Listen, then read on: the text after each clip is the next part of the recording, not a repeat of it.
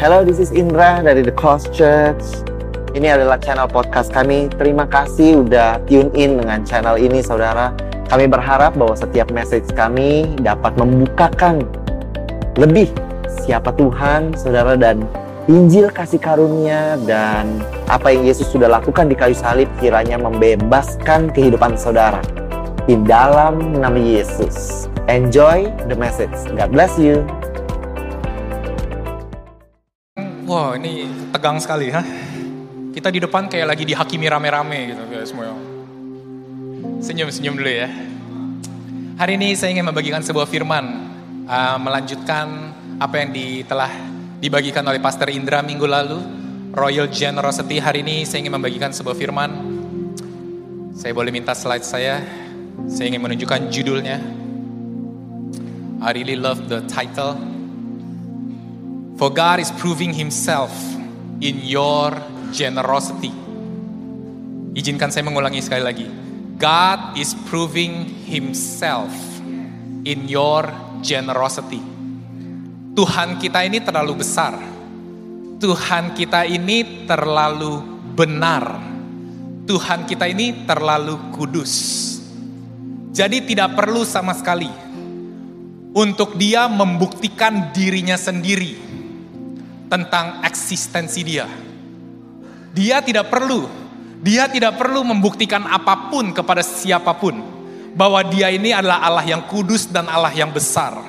Dia tidak perlu menunjukkan dan menjawab apa pun untuk menunjukkan bahwa dia ini adalah Allah satu-satunya. Ketika kita baca cerita Ayub, Ayub kurang lebih ada 41 pasal dari pasal 1, dari pasal 3. Pasal 3 mulai cerita tentang Ayub mengalami musibah. Dari pasal 3 sampai pasal 38 semua pertanyaan Ayub basically cuma satu. Where are you God? Di mana engkau? Di mana out of this pain? Where are you God? Dari segala musibah yang kualami, where are you God?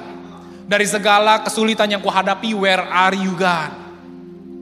Lalu Tuhan menjawab. 38, 35 pasal Ayub menanti jawaban. 38 sampai 41. Kurang lebih ada 70 pertanyaan. Tuhan tidak menjawab secara langsung, Tuhan menanyakan kembali. Jadi kalau ketemu saya jangan bingung kalau saya nanya lagi gitu, saya ikutin Tuhan gitu. Kalau misalnya, pastor kenapa ini? Menurut kamu gimana? gitu. Tuhan menjawab dengan kurang lebih 70 pertanyaan, 77. Dia jawabnya tanyanya kurang lebih seperti ini. Waktu bumi ini diciptakan, di mana kamu? Waktu saya sedang menahan badai salju di atas gunung itu, di mana kamu? Waktu saya sedang mempertahankan balance of this equatorial, lintang dan bujur bumi ini saya sedang mempertahankan balance-nya agar tidak terpelanting. Di mana kamu? Intinya cuma satu, who are you to us? about my goodness and my greatness. I am who I am. Tuhan tidak perlu membuktikan. Tuhan tidak perlu menyatakan besarnya dia. But yet, oh wow. But yet, because he knows, dia mengerti bahwa saudara dan saya terkadang memerlukan jawaban itu. Tuhan Yesus, ampuni itu yang jatuh di luar. But yet, He want to prove Himself in whatever area of your life. Dan hari ini izinkan saya untuk membagikan firman Jesus, God is proving Himself in your generosity. Di dalam kemurahan hati saudara. Kita mengerti ya bahwa murah hati itu bukanlah sebuah sifat yang alami. Memberi itu is not natural nggak natural sama sekali. Dari kecil anak saya dua setengah tahun udah mengerti yang namanya nggak berbagi, udah ngerti. Kalau dia dapat mainan, kalau bisa mainan orang direbut, diambil. Nggak boleh share. Makanya kita sebagai orang tua setiap kali bilangnya, share, ayolah share, nanti beli lagi, nanti kasih lagi, share ini kan kamu punya juga, nanti kamu juga bisa main share gitu ya. Because sharing is not natural. After Adam and Eve, setelah Adam dan Hawa jatuh ke dalam dosa, mereka dikutuk, tanah itu dikutuk agar mereka bekerja keras untuk mendapatkan apa pun yang mereka perlukan. Sebab daripada itu kita selalu berpikir ini kan hasil kerja keras saya. Ada kan pernah dengar gitu yang ngapain saya kasih dia, ngapain saya bantu dia. Dia masih punya tangan dan kaki nggak mau kerja kok. Saya aja punya tangan dan kaki ini masih kerja mati-matian. Why should I give? Why should I share? Gitu yang kayak generosity is just not ours naturally. But yet God wanna teach us to be generous. Because He is a generous God. Dia adalah Allah yang murah hati, dia adalah Allah yang ingin selalu memberi. Because He knows the joy in giving. There is such joy in giving. Dia tidak ingin kita menjadi hamba dari berkat-berkat yang diberikan kepada kita. Kalau hamba itu berpikiran ini bisa hilang setiap saat. Apa pun yang saya dapatkan ini bisa hilang setiap saat. Makanya saya harus mempertahankan. Jangan ada yang ambil, apalagi sampai saya perlu kasih, nggak mau. Tapi kalau kita berada di dalam posisi seorang tuan, empunya segala sesuatu, nggak ada masalah, ambil, ambil, saya masih punya. You know, kadang kita mempunyai persepsi yang salah gitu. Ketika kita memberi itu selalu dipikir memberi itu di dalam kesengsaraan kita atau keterpurukan kita. You know, there's this story gitu yang in my life. Kalau saya ingin mengajarkan JD anak saya untuk memberi. Misalnya saya mau dia memberi 5 ribu. Setiap hari gitu saya bilang gitu, why don't you go somewhere and just just give 5,000. Mungkin buat nabung kah, mungkin buat bantu orang kah, atau jajanin teman kamu, terserah. Kasih, nih kamu 5 ribu, your budget spend 5,000 saya sebagai seorang bapak jahat banget. Kalau saya bilang kamu jajanin teman kamu 5 ribu, nih uang jajan kamu 5 ribu. Jahat banget. Nangkep gak? Kamu jajanin teman kamu 5 ribu, nih uang 5 ribu. Seakan-akan udah gak ada buat kamu. Mendingan buat orang lain. Lebih jahat lagi nih. Kalau saya gini nih, jajarin teman kamu 5 ribu ya. Nih saya kasih kamu 2 ribu. Mau pingsan. Anak itu mau gimana pun si jadi dia yang kayak gila bapak gue nih. Ngapain gue ngikutin kalau gitu? Ngapain gue kasih orang? Ngapain gue bantu-bantu orang? Gue aja kurang. Tapi kita dengan hikmat kita aja di dalam dunia ini. Kalau kita ingin mengajarkan anak kita untuk memberi, the joy of giving, give 5,000, we will give them at least ya, at least ya. Kita lihat uang jajan dia kurang lebih kita yang kayak 10 ribu, nih 15 ribu nih. Jadi ada lebih di dalam kehidupan dia. Nangkep gak? Apalagi kalau kita benar-benar tahu this guy is very generous, anak kita ini setelah terlihat berapa kali very generous, nggak mungkin kasih 15 ribu, mungkin kasih 50 ribu nih, ini 50 ribu. Karena you mau nolong orang banyak banget, nangkep gak hati itu? Seringkali kita berpikir bapak kita meminta sesuatu, ketika bapak kita sedang meminta untuk memberikan sesuatu, kita berpikir bapak kita ini, ih, buat gua sehari-hari aja kurang, lu masih mau minta-minta. Kayak bapak kita gembel gitu. But no, Bapak kita adalah yang empunya segala sesuatu di surga dan di bumi. Dia meminta bukan karena dia memerlukan. Dia meminta agar engkau tidak terjerat akan cinta pada uang. That you are set free as a free man. Maka itu sangat make sense. Maleaki 3. Di Maleaki 3 ayat 10 berkata demikian. Jeng jeng. Maleaki 3 ayat 10. Bawalah seluruh persembahan perpuluhan itu ke dalam rumah perbendaharaan. Supaya ada persediaan makanan di rumah aku. Dan ujilah aku, firman Tuhan semesta alam. Ujilah aku, test me out. Uji aja nih, am I a good father or a bad father? Test me out. Apakah I ini sedang berusaha mencelakakan you atau sebenarnya I sedang membawa you ke sebuah stage yang you tidak pernah mengerti. Ujilah aku, firman Tuhan semesta alam. Apakah aku tidak membukakan bagimu tingkap-tingkap langit dan mencurahkan berkat kepadamu sampai berkelimpahan. Mari kita tundukkan pala Bapa di surga. Aku berdoa Bapak dalam nama Yesus hari ini Tuhan. Aku berdoa ada kebebasan Tuhan. Kebebasan di dalam memberi Tuhan, bukan karena ketakutan Tuhan Bukan karena rasa bersalah Tuhan. Tapi mengerti Bapak bahwa sungguh Engkau Bapak yang baik Bapak. Aku berdoa di dalam nama Yesus Tuhan ada keyakinan Tuhan ada ada panggilan Tuhan ada pengertian yang baru di dalam nama Yesus mengerti bahwa we are compelled to love you Father God. So in Jesus mighty name we pray. Amen. Ada sebuah cerita yang menggambarkan tentang seluruh kejadian ini, seluruh-seluruh firman yang baru kita bacakan tadi. Di dua Raja-Raja 4 ayat 8 Dikatakan demikian, pada suatu hari Elisa. Elisa itu adalah Nabi Elisa. Nabi Elisa yang setelah ditinggal pergi oleh Nabi Elia. Nabi Elisa yang melakukan uh, mujizat dua kali lipat daripada Nabi apa yang telah dilakukan oleh Nabi Elia. Pada suatu hari Elisa pergi ke Sunem. Di sana tinggal seorang perempuan kaya yang mengundang dia makan. Ai suka banget dibilang perempuan kaya. Seringkali kalau kita tidak mengerti bahwa kita adalah seorang yang kaya, bahwa seorang yang lebih daripada kecukupan, susah sekali kita berpikir untuk memberikan sesuatu, benar gak sih? Kalau kita selalu berpikir bahwa kita adalah orang miskin, kita adalah orang yang mentalnya selalu berkekurangan, it's kind of hard for us to give. It happened to me. It happened to me. Jangan pikir gitu pastor itu terbebas dari semua ini. Pastor is human too. Ada satu saat gitu yang kayak, you know, keuangan itu sangat pas-pasan. Jadi semuanya dihitung. Wah mulai kan, kayaknya kalau naik kereta ya lebih murah nih daripada nyetir sendiri, tolnya aja bolak-balik udah berapa. Ya kan mulai kayak gitu, mental miskin. Bukan mau, benar mau hemat, tapi mulai tahu kenapa pas mental miskin nih, pas kayak gini nih. Ada orang, boleh pinjem uang nggak? Goceng aja nih, lagi nggak ada. Dalam hati, ngitungnya lama banget. Goceng, naik kereta, 3 ribu, 2 ribu, buat goceng, waduh. Gimana ya, nangkep gak? Kalau kita bermental miskin, bermental kita selalu kekurangan dan tidak berkecukupan, akan amat sangat sulit untuk memberi kepada orang lain. Maka itu Tuhan bilang, no, no, no. Waktu aku mati di atas kayu salib, aku menjadi miskin agar engkau menjadi kaya.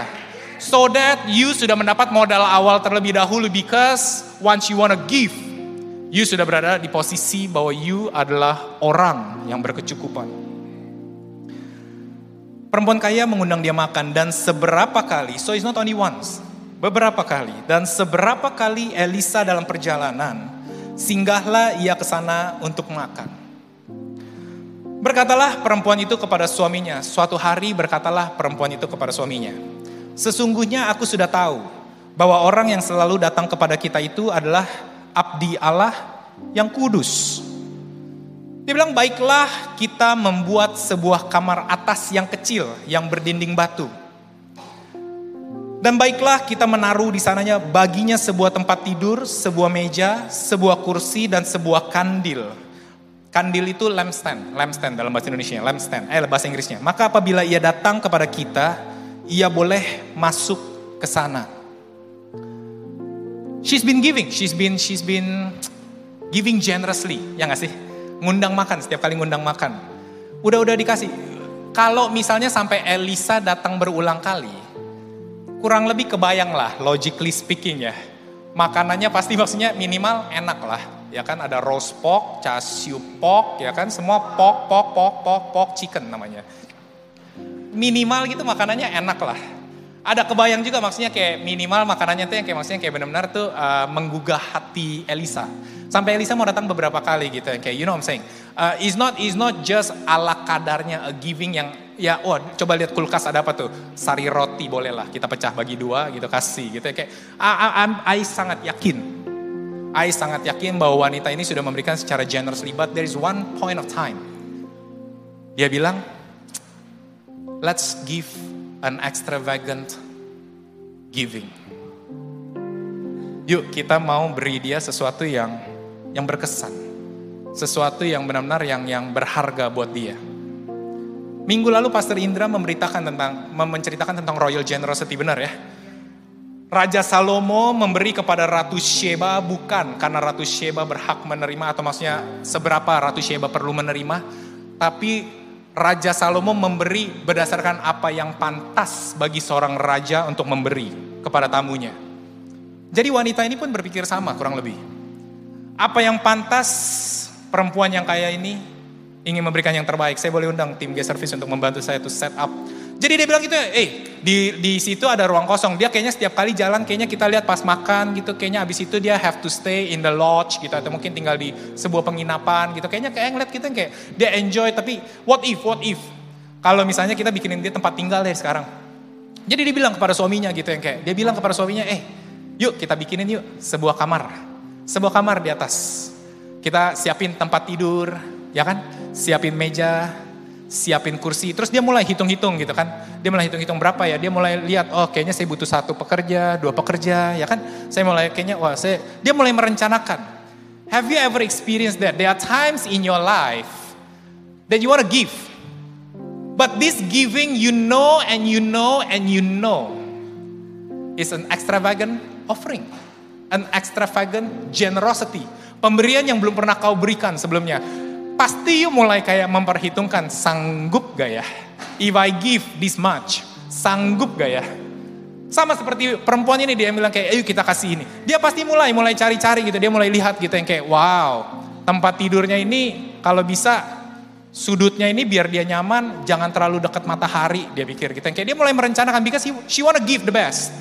Lalu dia ngeliat kita yang bangkunya, kita yang kayak wow, bangkunya, kita yang kayak dia lihat, wow, kayaknya bangku ini lebih bagus deh daripada bangku yang itu. Kayaknya takutnya nanti kalau dia duduk lama lagi menulis gitu atau lagi belajar gitu, kayaknya kesakitan gitu yang kayak. Terus dia mulai milih mejanya gitu yang kayak, is not because you love it, because you you know the person, because you know the things that you want to give. Dan you mulai memikirkan detailnya. You mulai, thank you so much.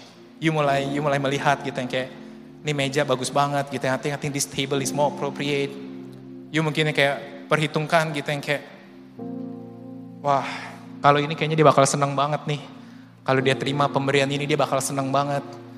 I, I think, I think, I think he would love it pasti penuh perencanaan, ya nggak sih? You juga memikirkan dari kemampuan you, you juga memikirkan dari apa yang you punya. Maka itu jangan bingung, di 2 Korintus 9 dikatakan demikian. Berikanlah menurut kerelaan hatimu. Menurut kerelaan hatimu. Di perjanjian baru pemberian itu tidak lagi dipaksakan. Tidak pernah dipaksakan. Menurut kerelaan hatimu. How much you value the person that is about to receive your giving then give accordingly. How much you value that person. Berikanlah menurut kerelaan hati. Dan berikanlah dengan sukacita because God loves a cheerful giver. I sangat amat yakin bahwa wanita ini memberikan berdasarkan kerelaan hatinya. Bahwa perempuan ini memberikan dengan sukacita. How do I know that?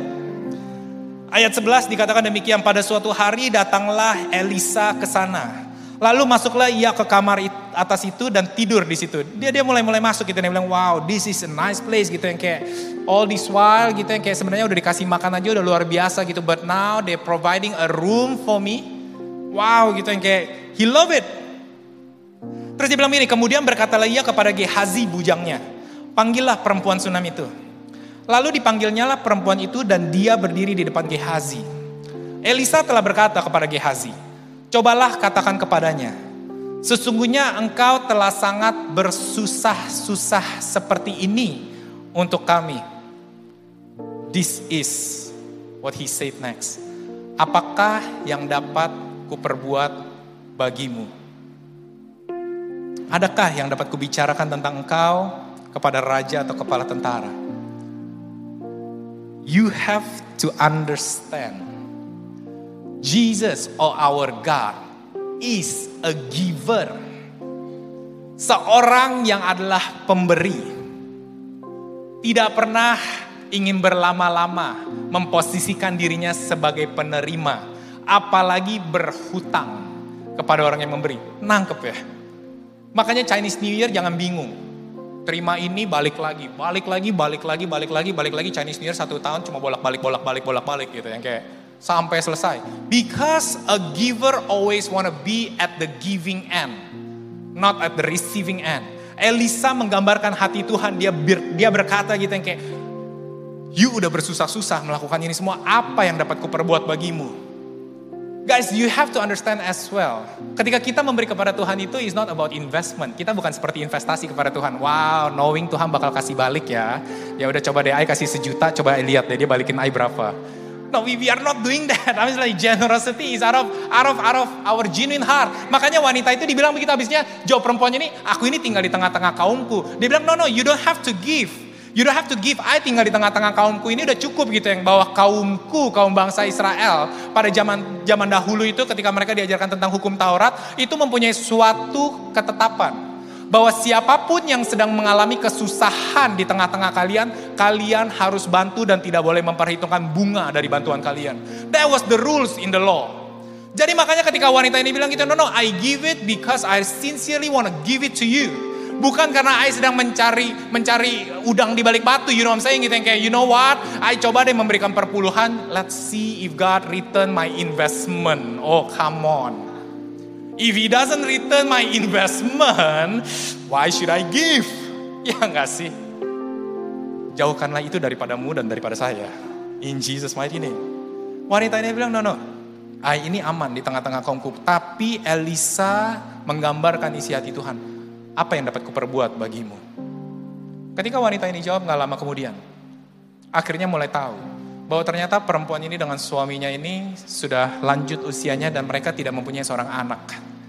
Ketika Elisa tahu, you know in your life, you know in your life, when you give, Roh Kudus itu di Roma 8 berkata demikian, Roh Kudus. Roh Kudus ini menjadi perantara kita dengan Bapa, menyampaikan apa yang ada di isi hati kita yang tidak tersampaikan melalui doa-doa kita.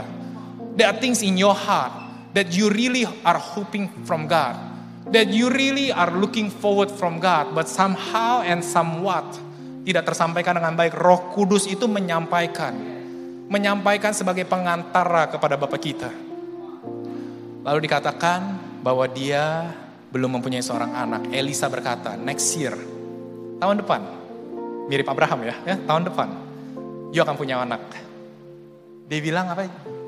Jangan, jangan, jangan kasih pengharapan itu padaku. I, I, I really want to give you out of my love.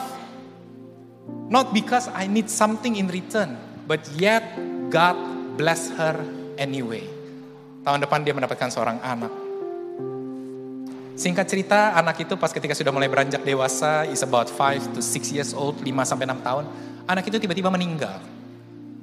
Setelah meninggal, lalu perempuan ini mencari Nabi Elisa, dan Nabi Elisa hidupkan kembali anak tersebut. Guys, you have to understand, when God wanna bless you, He really, really, really wanna bless you.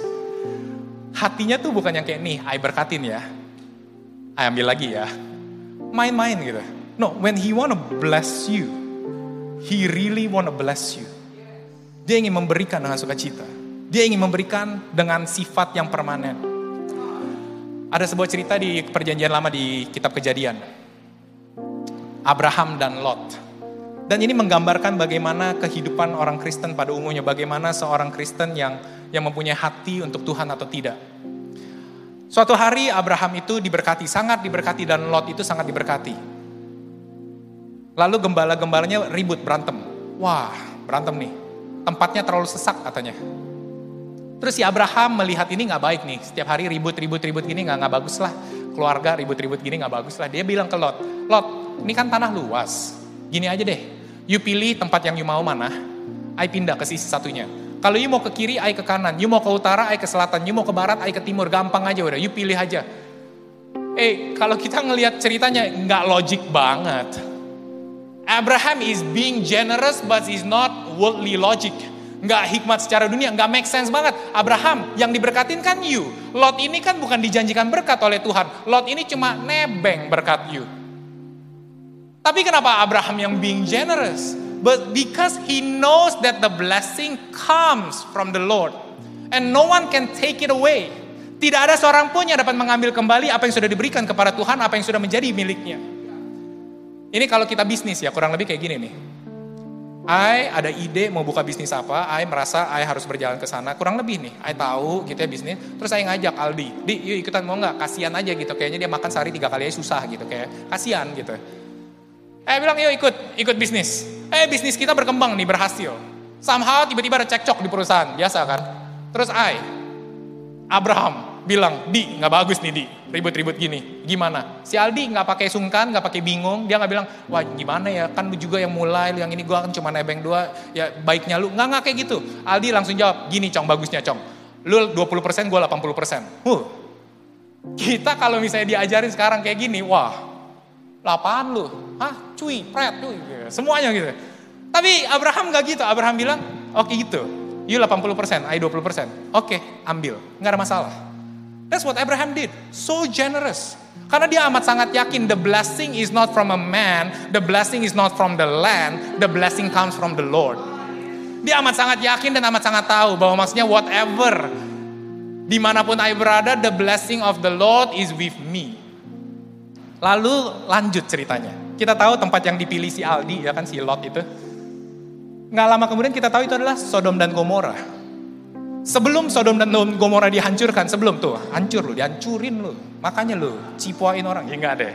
Ya nggak sih, kadang kita suka generous kayak gitu ya. Pas ketika kita generous, wah lihat lu, lu injek-injek gua terus lu. Lu, uh, makan tuh sekarang tuh, makannya. Tuhan tuh membalas. Wih, murka Tuhan ada padamu, you know what I'm saying. Suatu hari, si Aldi, si Lot ini, diserbu oleh Raja-Raja Timur, dihabisin semua milik dia, dan dibawa oleh Raja-Raja Timur Abraham tidak berkata seperti ini yang kayak, wah kan, maruk sih lo, serakah sih yo, kapok lo. Nggak kayak gitu. Abraham kumpulin hamba-hambanya. Dia bilang, yuk, keponakan saya diserbu, keponakan saya diserang. Yuk kita ambil, kita rebut kembali. Mari bung rebut kembali, ya kan? Dikumpulin 318 hamba, di Uber 318 hamba, bukan ahli tentara, hamba dikumpulin, diserbu Raja Timur, kalah Raja Timur dimenangin Lot, dibawa pulang Lotnya.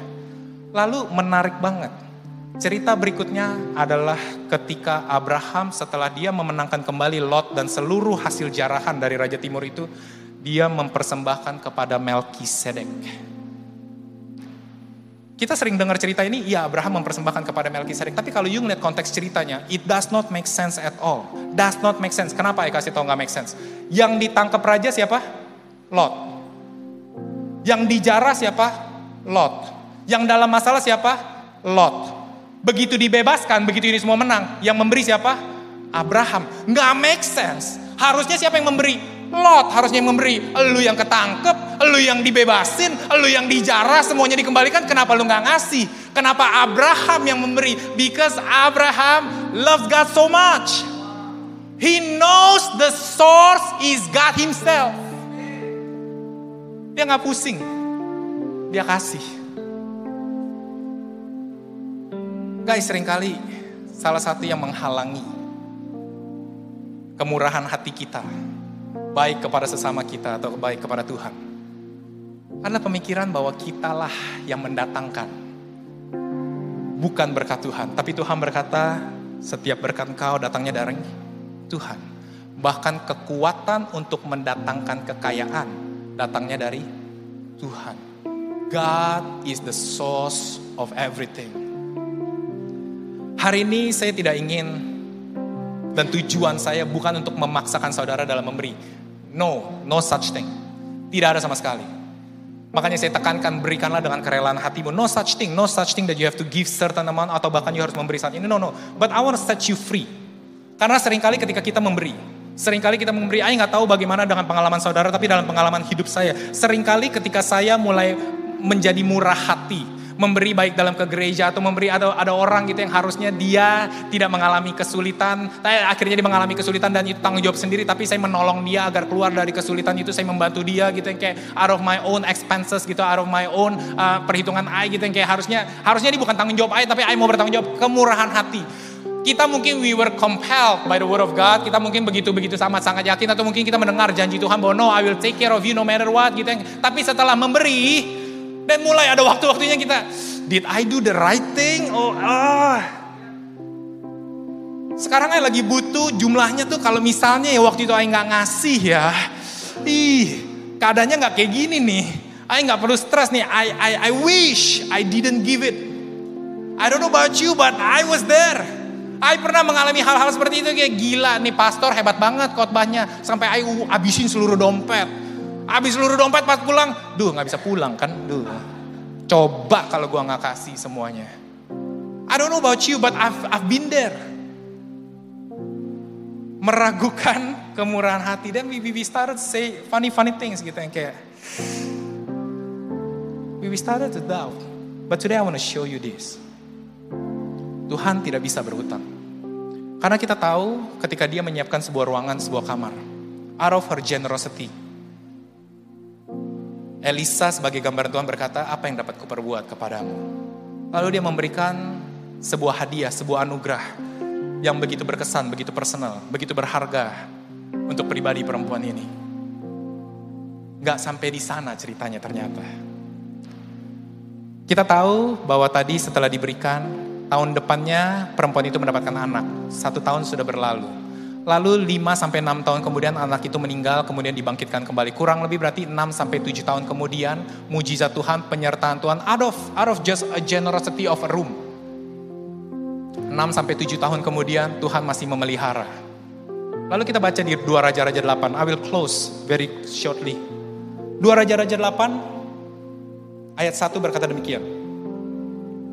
Elisa telah berbicara kepada perempuan yang anaknya dihidupkan kembali.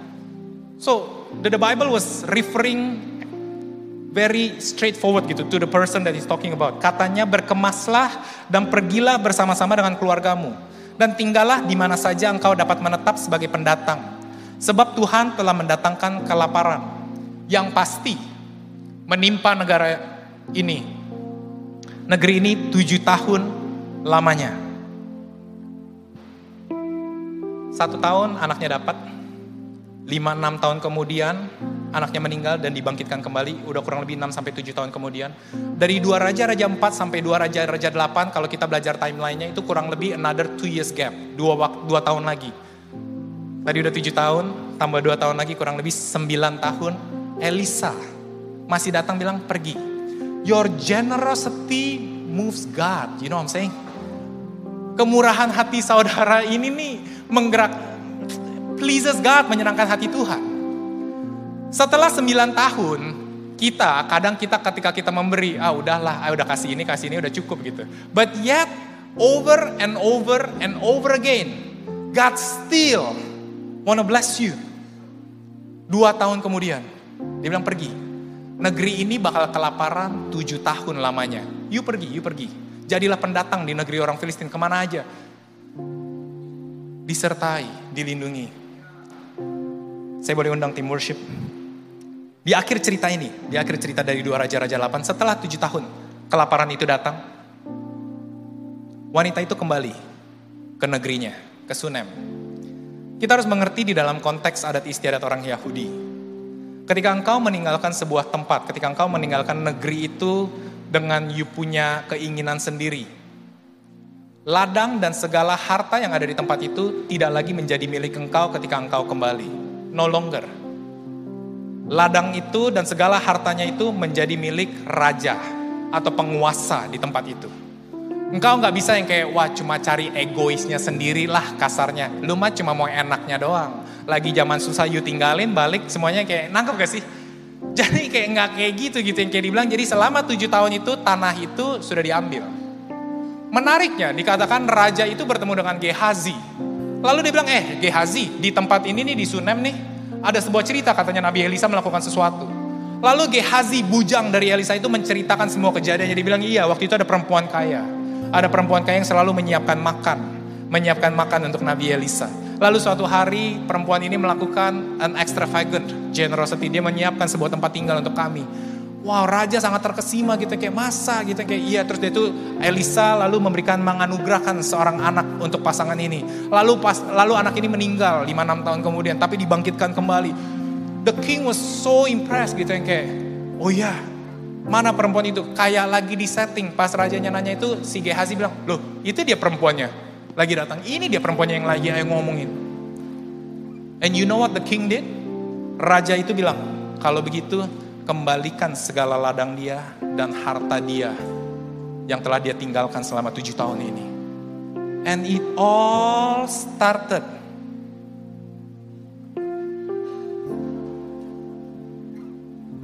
with such a sacrificial giving, an extravagant generosity. Makanya amat sangat masuk akal di Maliaki 3 ayat 10 tadi kita baca. Bawalah persembahanmu, bawalah perpuluhanmu, dan ujilah aku. Test me out. Am I, apakah aku adalah Tuhan yang jahat, yang hanya ingin mencuri dan mengambil daripada engkau? Atau am I a good God that wanna bless you? Over and over and over and over and over again. Satu tindakan tidak tidak habis dimakan waktu. Dua tahun, tujuh tahun, empat belas tahun, but yet God is still holding on to bless you. Jesus. Sekali lagi saya mau katakan, hari ini I'm not trying to force you atau atau bilang beri beri. No no no. Tapi jika saudara dan saya selama ini memiliki keraguan di dalam memberi, mungkin Anda berpikir Tuhan tidak akan memelihara saudara. Izinkanlah saya menunjukkan inilah Allah yang kita sembah. Allah yang tidak bisa berhutang. Allah yang tidak bisa hanya menerima dan tidak memberkati saudara. Allah yang tidak bisa memberkati terlebih dahulu untuk meminta sesuatu dari saudara. Bukan Allah yang demikian. Allah kita adalah Allah yang memberikan terlebih dahulu. Ketika dia meminta karena dia ingin Anda menjadi seorang yang menikmati hasil pemberiannya. Dan bahkan dia dalam hatinya mempunyai apa lagi berkat untuk saudara. I, I'm not, I'm not, I'm not trying to force you. I'm not begging you to give. Tapi kalau Anda mengerti siapa, kalau Anda mengerti isi hati Tuhan kita, kenapa kita tidak mau kasih? Today, let's close our eyes. Mari kita tundukkan kepala.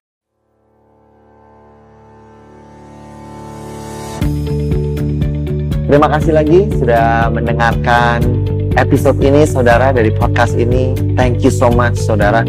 Saya berharap bahwa Injil kasih karunia dan apa yang Yesus sudah lakukan bisa membebaskan kehidupanmu saudara.